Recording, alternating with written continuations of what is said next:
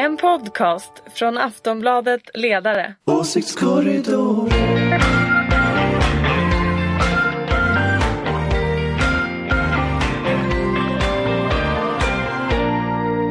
Hej och välkomna till Åsiktskorridoren. Det är midsommarveckan när vi är inne i nu. Det är den, är den 17 juni när vi spelar in det här strax efter lunch. Eh, snart vänder det som man säger, optimisten. Eh, även om sommar och semester börjar bre ut över landet så rullar politiken på ett tag till. Det är väl först efter Almedalsveckan som den går på semester. Med oss för att prata den här sista svängen, inte riktigt sista då, eh, men nästan, har vi Ulrika Schenström. Yes, Hon är här jag. moderat. Ja, hej, välkommen. Tack. Från Aftonbladets oberoende socialdemokratiska ledarsida har vi Jonna Sima. Ja, här är jag. Hej. Hej. Och så Anders Lindberg från samma sida. Hej hej. Hej hej, jag heter Anna Andersson. Eh, vi ska som sagt prata politik nu in i det sista här inför midsommar. Eh, eh, innan Almedalen börjar så ska ju Liberalerna välja en ny ledare. Mm. Och det börjar hända grejer. Jag vill säga, Jonna och Ulrika, ni var så otroligt säkra på att det skulle bli Erik Ullenhag. Mm. Men det kan vi det väl kanske. inte bli ja, nu? Det här är ju inte slut än. Det här är ju inte Du slut förrän inte den det? 28. Alltså lyssna nu. Cecilia Malmström har fortfarande inte bestämt sig. Hon är drottningen här va. Det är tydligen Har hon inte fullt... bestämt sig? Hon har inte talat om vad hon tänker rösta. Stockholms län har inte bestämt sig för vad de vill. Men de bestämmer sig imorgon va? De bestämmer sig imorgon eller om några dagar. Men det finns distrikt som har levererat en kandidat som inte har varit majoritet på utan där har förbundsstyrelsen ändå valt att ma- eh, nominera. Så att det är fri röstning. Förlåt, vad menar du? Nu det finns inte jag läns- jag lyssnade i Ja. morse på P1 Morgon. Ja.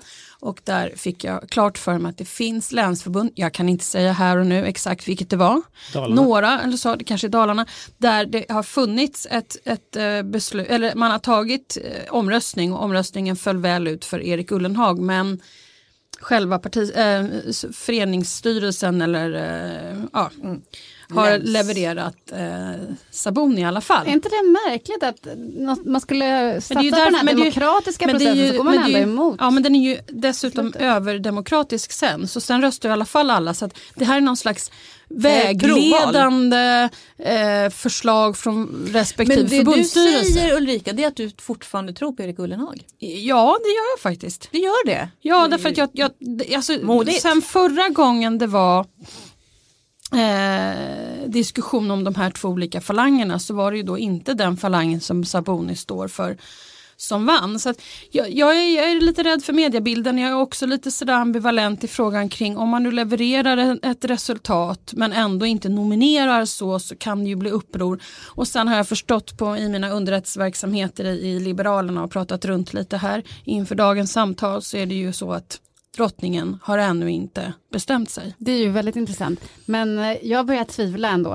Eh, jag Du börjar vackla lite. Ja, Ja. precis. För jag, tycker att mediebilden nu börjar sätta sig. Att eh, de här som förespråkar Sabuni argumenterar ju för att hon verkligen står för någon slags förändring. Och att, och att man har, har försökt på en inslagen väg med Jan Björklund och som då Erik Ullenhag är någon slags... Förväntas fortsätta ja, precis, trampa på. trampa på. Att det inte kommer innebära någon större förändring för ett parti i kris. Så att, alltså jag tror, tror att den där bilden börjar sätta sig ganska hårt. Mm. Jag börjar också fundera på, på hela liksom Alltså om man nu har släppt loss en massa medlemsomröstningar då, då sitter man ju lite i skiten sen. Alltså det, det blir jättesvårt för den som tar över att att eh, om, om, om nu inte liksom ja, Sabuni tar över Alltså Erik Ullenhag kommer ju få ett jätteproblem att hantera Vem, de, vem tror du det blir Anders?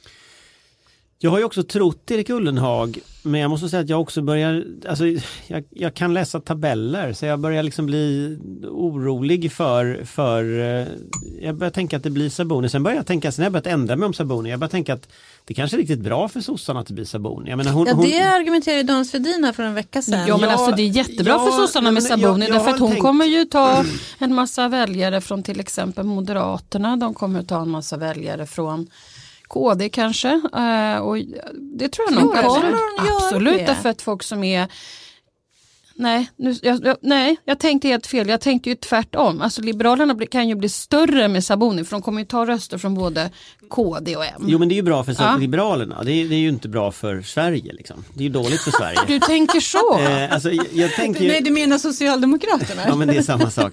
Nej men jag tänker liksom att, att, att Men vad var det Daniel tyckte var så bra då? det vet jag inte. Jo men, han menade jag- att, att eh, med Sabuni så kommer kannibalismen inom borgerligheten bli större Ja. vilket kommer gynna Det tror jag. sossarna. Nej, men jag Det tror det finns två saker. Dels Ja, kannibalismen men det- inom borgerligheten blir större med Sabuni, eller in, inom, inom eh, knökhögern, alltså inom någon slags, eh, någon slags konservativ... Inte riktigt kalla dem knökhöger med, med hon rullad ska ju man- ta deras- mustasch. hon ska Alltså ju det ta- kan man ju inte. Hon ska ju ta deras röster.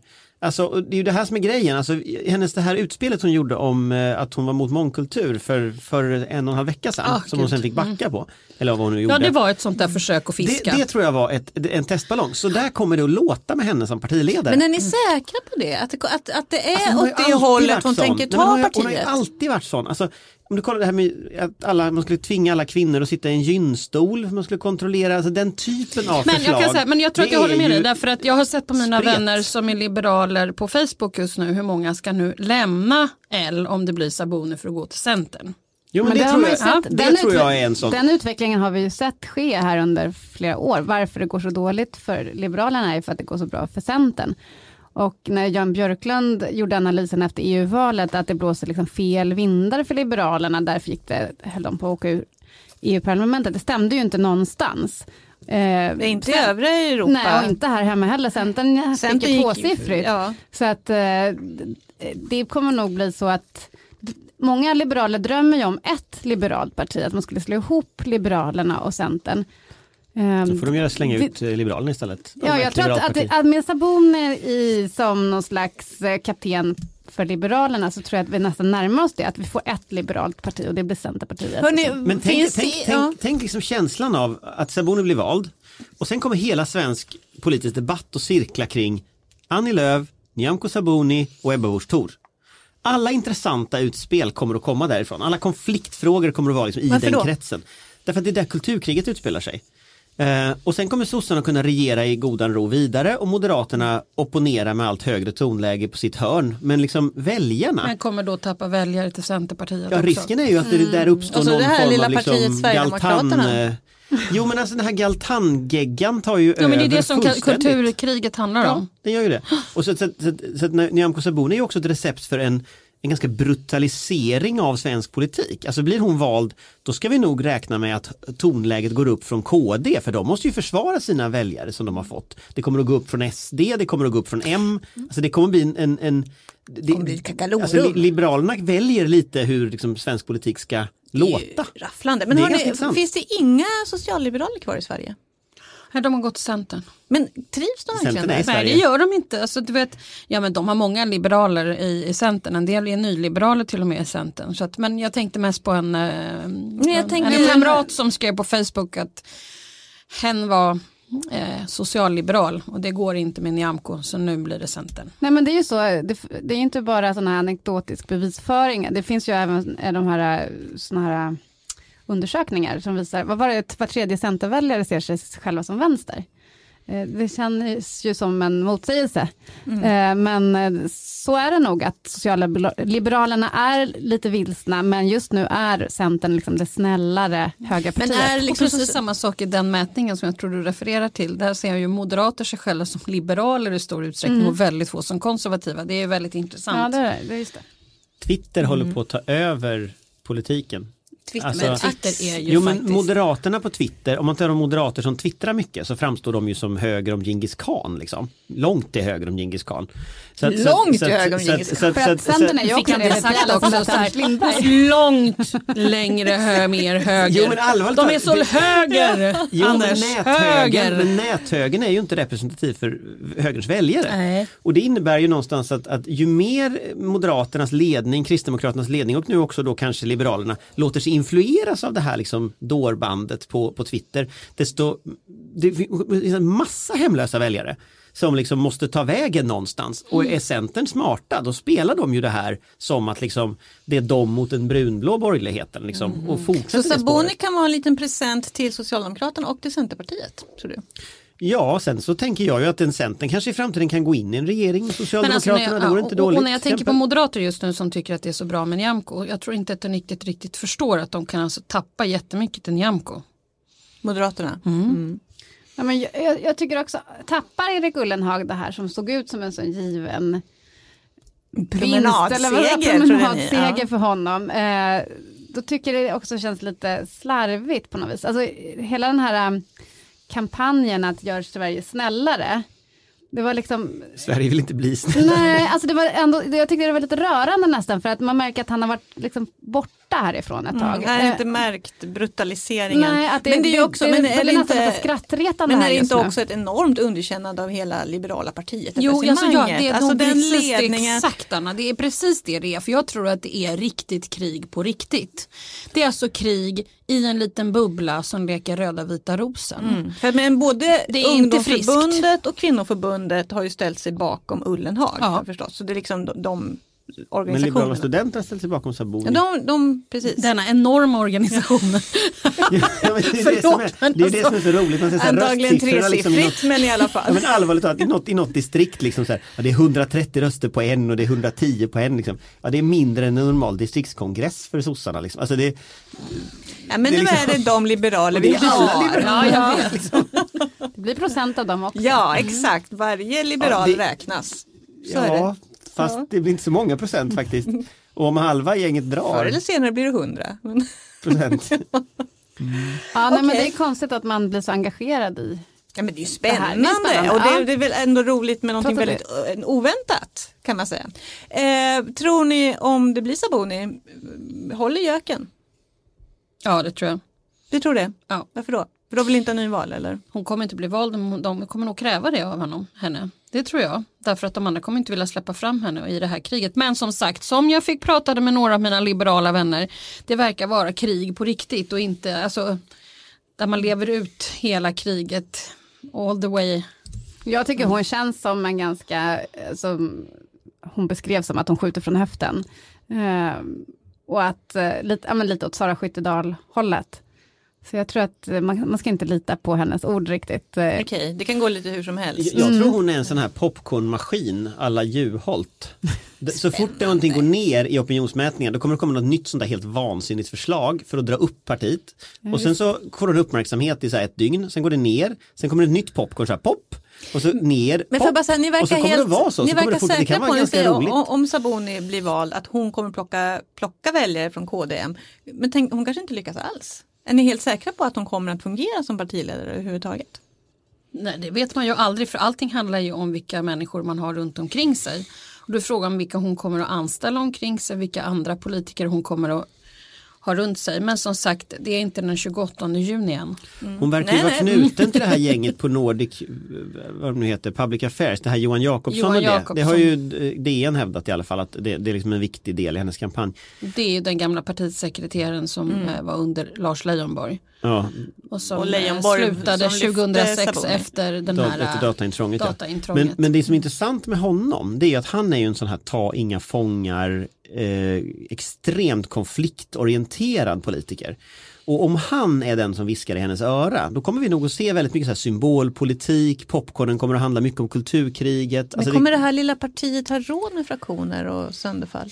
Det verkar vara en riktig bokstavskombination liberalism nu. Jag tror att det är så här fem, sex falanger. Nej, men det är väl det vi har konstaterat här i början, att det kan mycket väl bli att det imploderar. Att eh, ja, men, liberal, socialliberalerna drar de sista. De sista fyra. Ja, precis. Ja. Och, Men eh, vad är de som är kvar då? Ja men precis, alltså de är väl mer eh, betong. Betong, det, batong brukar man kalla dem. Batong, är inte betong. Ja. Eh, och att då finns det ju andra partier som eh, kanske lockar mer egentligen. men om man, om man står på valdagen 2022 och så har man fyra partier SD, KD, L och M som låter ungefär likadant, som har röstat ungefär likadant i riksdagen på en massa symbolfrågor, som ogillar mångkultur och så vidare.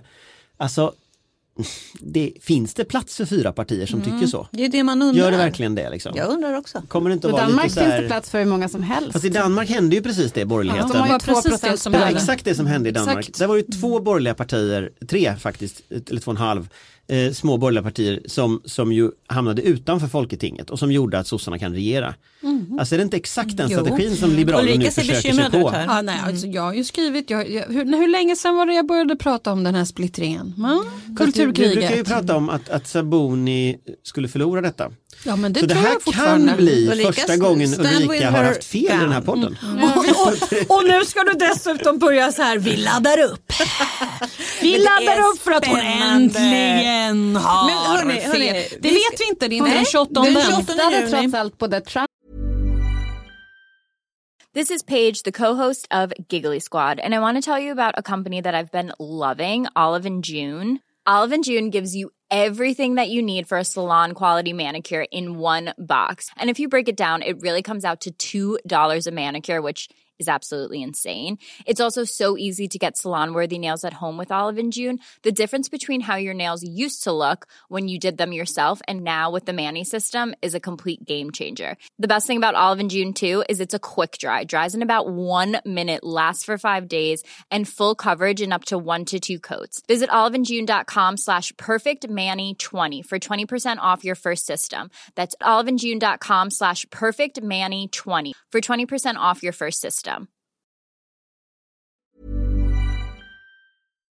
Och Brexit. Det, det prickade in. Regeringsbildningen. Regeringsbildningen, okej. Mm. Ja, Mm, jobbigt. Bra track record där Ulrika. Vi får se den 28 juni om det håller den här gången också. Då sker alltså valet. Vi ska fortsätta dock och prata lite borgerlig debatt. Därför att eh, i övrigt i politiken händer inte så mycket just nu inom partierna utan det verkar hända mer på de borgerliga opinionssidorna. Eh, för en vecka sedan så skrev Ivar Arpi i Svenska Dagbladets, eh, på Svenska Dagbladets ledarsida eh, en, en text som blev väldigt omdiskuterad. där Han hade åkt till en icke namngiven ort, mindre ort i Sverige och studerat människorna där.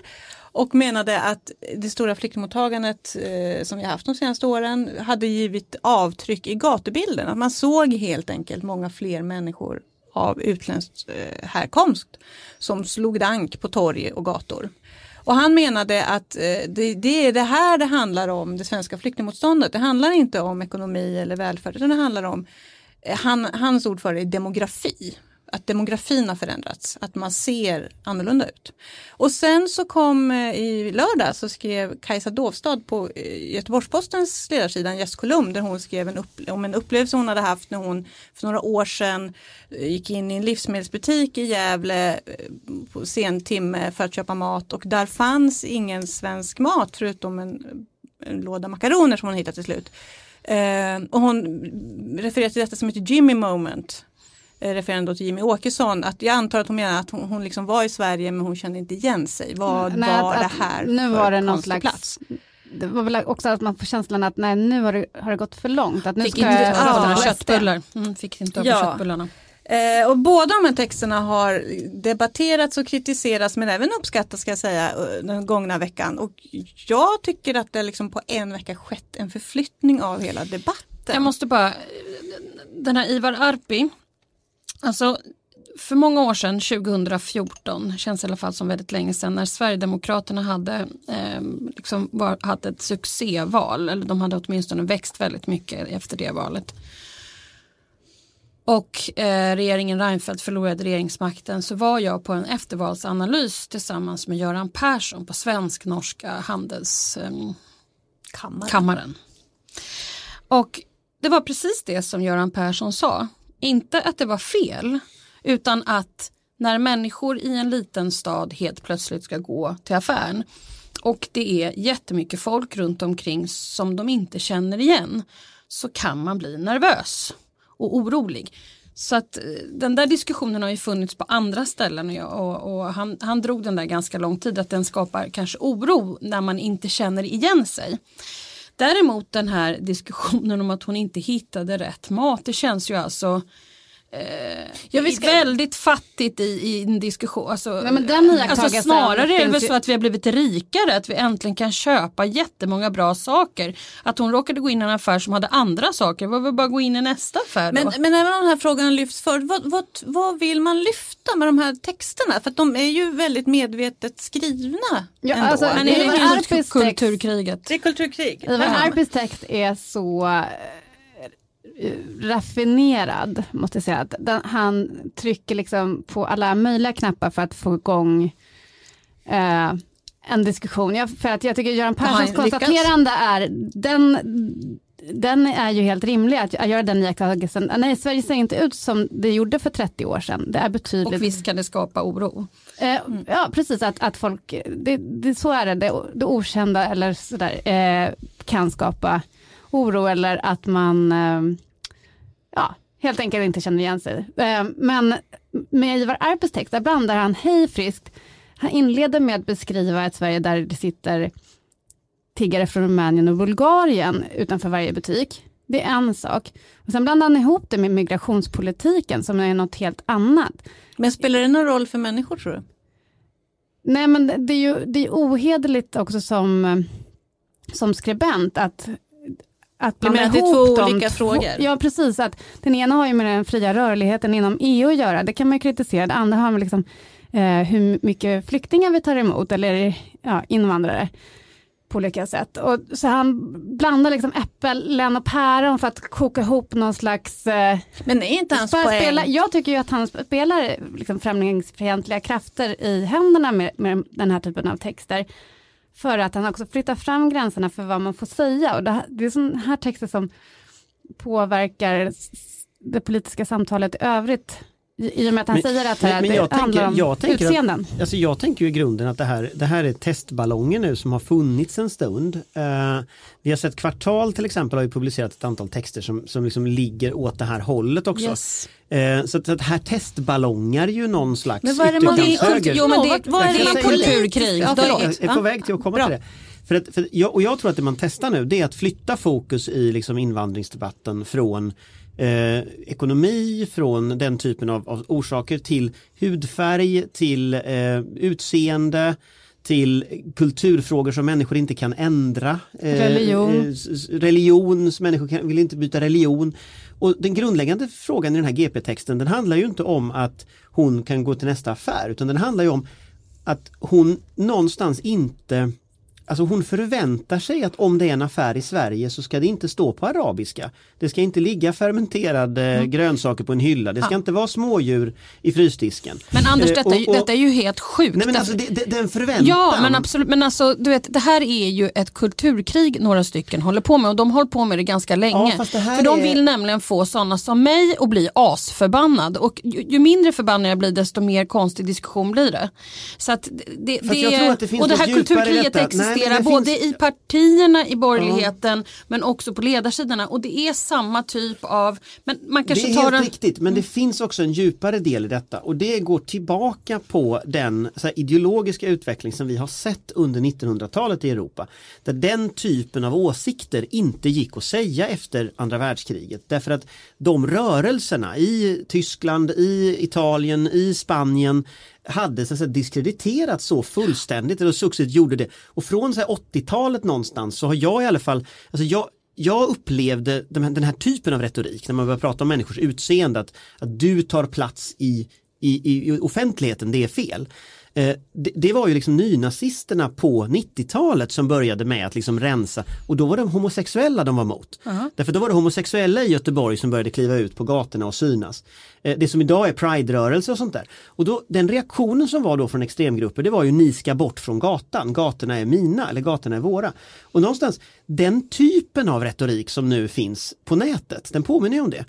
Och när de här texterna skrivs nu, de rör sig liksom på en annat plan.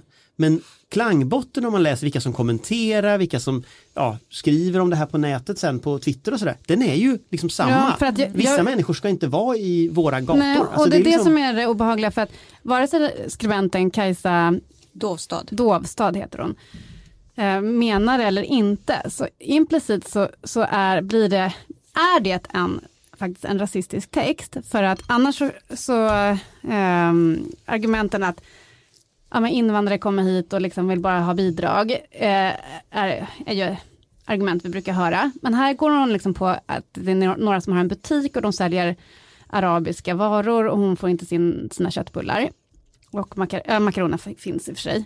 Eh, då är det liksom, det är aldrig, det går aldrig att vara komma in i det svenska samhället. Du duger inte ens om du har ett jobb och jobbar dygnet runt i Gävle. Men om man då ska ändå ska för, liksom de som försvarar de här texterna menar att de lyfter ändå fram just en upplevelse som många har.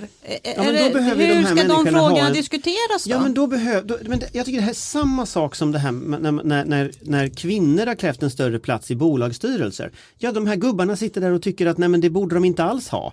Eh, ja men då får ju de lösa det problemet, då får de skaffa en terapeut liksom. Verkligheten förändras. Och det är likadant när, när vi ser hbtq-rörelsen som är närvarande i, i, i Almedalen nu så gör nazisterna samma sak. De ska få bort homosexuella från Almedalen. Eh, eller hbtq-rörelsen från Almedalen. Eller om man vill ha bort människor med en annan bakgrund från gatorna. Liksom. Alltså, den uppfattningen är ingen rimlig uppfattning. Alltså, det är inte så att det är en ås alltså, det är inte så att vi kan så, här, ha något slags intellektuellt samtal om vissa människor ska få finnas eller inte i vårt samhälle. Alltså den typen av åsikter är, tycker jag, är, jag tycker det är helt vansinnigt att man liksom ska jämställa det med att tycka, någon kan tycka vi ska ha högre skatt, någon kan tycka vi har lägre skatt, någon kan tycka att alla människor som har, ser annorlunda ut, en nordisk eh, bakgrund eller vad fasen man säger, de ska bort. Alltså det är inte åsikter som är jämförbara. Eh, en av åsikterna bryter grovt mot varenda mänsklig rättighet som vi vet. Det andra är liksom småtyckanden i marginalen. Men det de säger är väl att det är för många, det kom för många för fort. Nej, Ja. men de säger att gatubilden har förändrats. Ja, men det, måste, det, det kan man väl konstatera, men det, det är de så här politiska slutsatserna av det som är obehagliga. Att, Påverkar det här partipolitiken? ja, jag tror absolut att det här kommer göra det. För att just som jag säger, att det, det kommer det flyttar fram gränserna för vad man får säga. Eh, Anders var inne på det att eh, ja, efter om man säger andra världskriget, då, att, att, att, eh, att då, eh, under 60, 70, 80-talen så, så, så kunde man inte tala om olika grupper i nedsättande liksom, på samma sätt som det är helt acceptabelt idag, även på ledarsidorna. Att, att man liksom eh, pratar, det är inte så här invandrare per se, utan det är liksom svarta muslimska invandrare man liksom indirekt, fast väldigt uppenbart, pekar ut som ett stort samhällsproblem. Det gäller ju på, av politikerna att inte låta heller gå med i och eh, låta sig Kommer de eh, kunna stå vara emot? mo- med i, i kulturkriget. Nej, jag tror det kommer bli svårt. Det här kulturkriget utspelade sig ju i Danmark fast på ett lite annorlunda sätt med kanske ännu högre ton om jag ska vara riktigt ärlig. Men Ja, det är verkligen. definitivt det kulturkrig vi ser framför oss även om det här är annorlunda eftersom eh, Danska Folkeparti och det som splittrade den konservativa eh, Folkepartiet i, till vänster och det danska Folkeparti det kulturkriget han, hanterade de inte. Så att, ehm, Även i Finland hade- hade man ju också en splittring där. Men, men, Ja, fast Höjre är ju inte helt splittrat utan Men, det är ganska sen, stort sen kan man ju också vara f- fundersam på vart leder den i form av politiska åtgärder. Därför att, att, att, att förena människor från olika bakgrund och mångfald och sådär, det, det, det, det går faktiskt ganska lätt, även om de här människorna säger att det inte gör det. Men nu har vi ju förenat det. Nu finns ju alla människor på en plats i vårat Sverige. Det är liksom den mosaik som är Sverige. Ska man dela upp det på något sätt? Hur ska man göra det? Hur ska du, eh, om du nu inte vill ha en gatubild där människor ser Men de är inte, annorlunda är ut de än inte dig ute själv, hur ska efter du att lösa strama det? åt migrationen ytterligare? Ja, men då? Om man ska ta Ja, men rent människorna är ju konkret. redan här. Jo men de, de vill inte ha hit fler, är det inte det de säger då? Kan man, eller? Nej, Ja, men de är säger ju inte att gatubilden utan- är problemet. Alltså den här texten om, om Gävle är fem år, det är ju en fem år gammal Ja, händelse. händelsen utspelar sig tydligen 2014. Ja, det är Men- fem, ja. fem år sedan. Liksom. Alltså, då, då säger man ju någonstans, jag vill ha gatubild. Alltså, det, någonstans så ligger ju ett anspråk på att jag bestämmer hur min gatubild ser ut. Jag bestämmer alltså hur andra människor ska Man försöker uppträda. bara skrämma upp folk om flyktingmottagande. Det är väl det det handlar om. Ja men hur, vad, vad leder det för, till för politik? Nej hur men jag du... håller med om det. Men, men det hade ju varit intressant om det blev en, en diskussion i så fall kring om det är för många i, på vissa platser. Hur, hur gör man de då? flesta är Alltså, ju inte kvar så, i nej, sådana men precis, flyktingmottaganden. alltså, det, vi har ju haft ett jätteproblem med, med just att många kommuner inte har velat ta emot och att vissa kommuner har fått ta Vissa emot kommuner har tagit emot väldigt mycket. Väldigt mycket så, som Vimmerby och liksom Södertälje och sådär. Alltså det,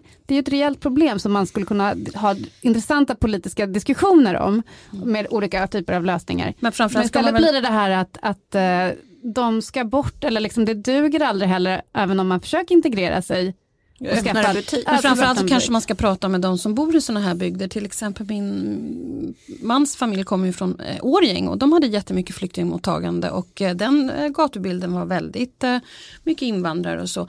Jag upplevde inte någon som helst problem med detta överhuvudtaget utan snarare att folk engagerade sig och hjälpte i väldigt stor utsträckning så att jag tror att den bild som folk lokalt upplever inte alls den som några stycken här i Stockholms ledarredaktioner försöker göra gällande.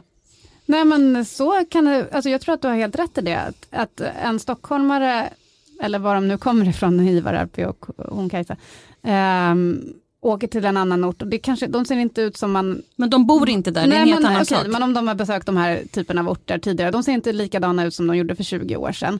Men i många av de här orterna, absolut det finns problem, det, det är bara fånigt att förneka det. Men, men för många har det ju varit en överlevnad också, att man, det är ju avbefolkningskris i Sverige. Ja, det är lite det som är det dubbla. Det är liksom Mm. Fast jag upplevde ingen panik där direkt, det är så jag menar. Nej, Utan att man jag kanske förstår. Ska... Vi måste börja avrunda. Får jag lägga till en ja. sak? Jag råkade säga höjre förut men menade kokomos. Bara så att vi har sagt det så vi inte behöver klippa. Så. Okej, bra, tack. Mm. Eh, det är midsommar, ska, ska ni fira svenskt? Blir det syrade grönsaker eller sill? Ulrika? Jag, jag kommer ju ha en liten eh, hundvalp att ta hand om. Oh. Så att eh, ja, nej men det blir väl lugnt kan man Ja. säga. Jonna, sill eller syrade grönsaker? Det några små döda Små döda smådjur. smådjur. Det tycker jag om. Ja, det tycker du. Anders? Nej, det blir nog eh, som vanligt, det blir sill och någon grillade, förhoppningsvis större djur då. Sverigevän. som eh, är, är så, så det blir nog eh, Traditionen lever vidare det hemma hos Anders väldigt, Lindberg. väldigt det traditionellt. kan vi vila så tryggt mycket i. sill. Jag gillar Eh, sill. Ja, jag gillar Jag är också från sill. Göteborg, där äter man mycket sill. Hörrni, vi säger glad midsommar. Tack ska ni ha. Ulrika midsommar. Jonna Simma och Anders Lindberg. Hej då! Hej då!